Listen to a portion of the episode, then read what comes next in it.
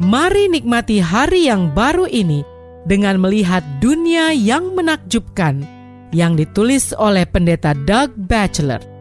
Melalui renungan pagi ini, kita akan melihat kebesaran Tuhan bagi kita melalui alam ciptaannya. Bersama Mana Multimedia Ministry, selamat mendengarkan.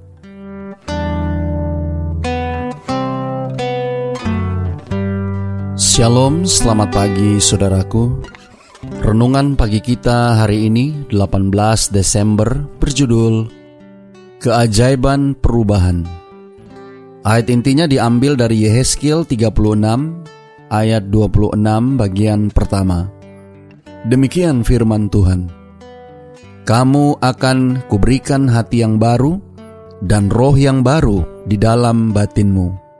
Bersama saya, Pendeta Andre Daimbani. Mari kita dengarkan penjelasannya. Plastik adalah salah satu bahan paling serbaguna di dunia. Plastik dapat dibuat sekeras batu, kuat seperti baja, transparan seperti kaca, dan elastis seperti karet. Plastik juga ringan, tahan air, tahan terhadap bahan kimia dan bakteri, dan dapat diproduksi dalam berbagai warna pelangi. Pada malam hari, banyak dari kita tidur di kasur dan di bawah selimut yang terbuat dari bahan plastik. Di pagi hari, kita melangkah keluar dari tempat tidur ke atas karpet polyester dan nilon.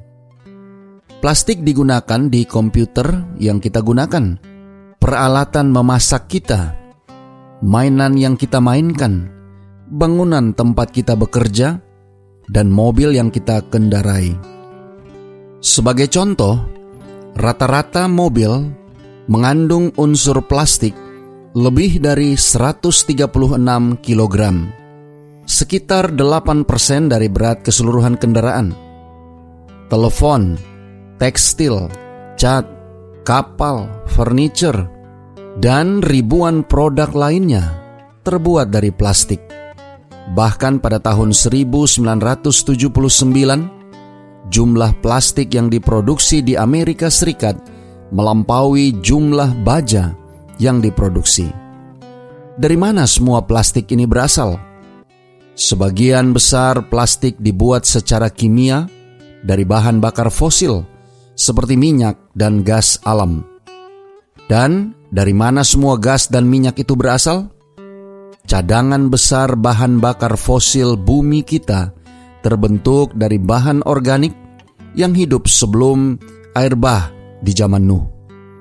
Karena hutan yang luar biasa di dunia kuno, subur dengan tanaman yang penuh dengan kehidupan hewan, termasuk dinosaurus, dihancurkan oleh banjir.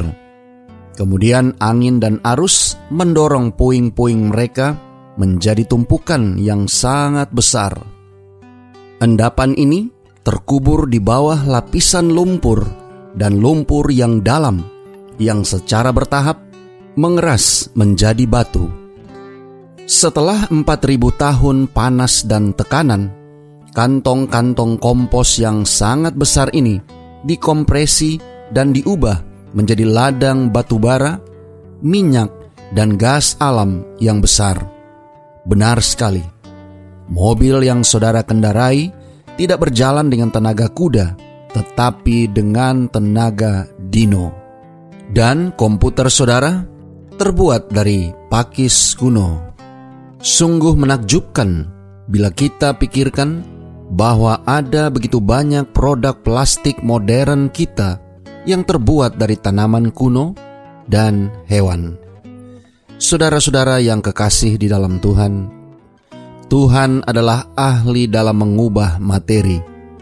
Dia mengubah air menjadi anggur dan menempel pada ular. Tuhan bahkan mengubah seorang wanita menjadi garam. Tetapi perubahan yang Allah lakukan yang paling menakjubkan adalah pertobatan yang Dia kerjakan dalam hati manusia. Dia mengubah pemungut cukai yang tamak menjadi pemberi yang murah hati dan seorang gila yang kerasukan setan menjadi misionaris. Apakah hati saudara membutuhkan pertobatan hari ini? Yang Tuhan butuhkan hanyalah izin yang saudara berikan. Doa kita hari ini. Bapa, terima kasih untuk hari yang baru dan nafas kehidupan yang Engkau berikan bagi kami.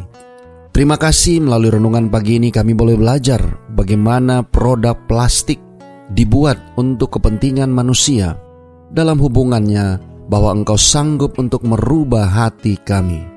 Tolong kami hari ini Bapa, biarlah dengan pertolongan kuasa roh kudusmu, kami boleh dapat disanggupkan untuk menghidupkan firman yang sudah kami dengarkan, agar kami boleh dapat menunjukkan satu pertobatan yang sungguh-sungguh, agar sebagaimana engkau mengubah hati seorang pemungut cukai, kami pun juga dapat berubah dan menjadi lebih baik, dan kami boleh mengizinkan Engkau berkarya dalam hidup kami, mengubah kami menjadi individu yang lebih baik hari ini dan seterusnya. Terima kasih Bapa. Inilah doa dan permohonan kami kepadamu. Di dalam nama Yesus kami berdoa. Amin.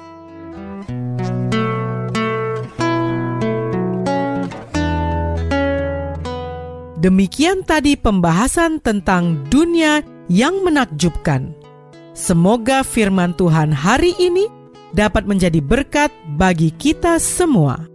Sampai jumpa, Tuhan memberkati.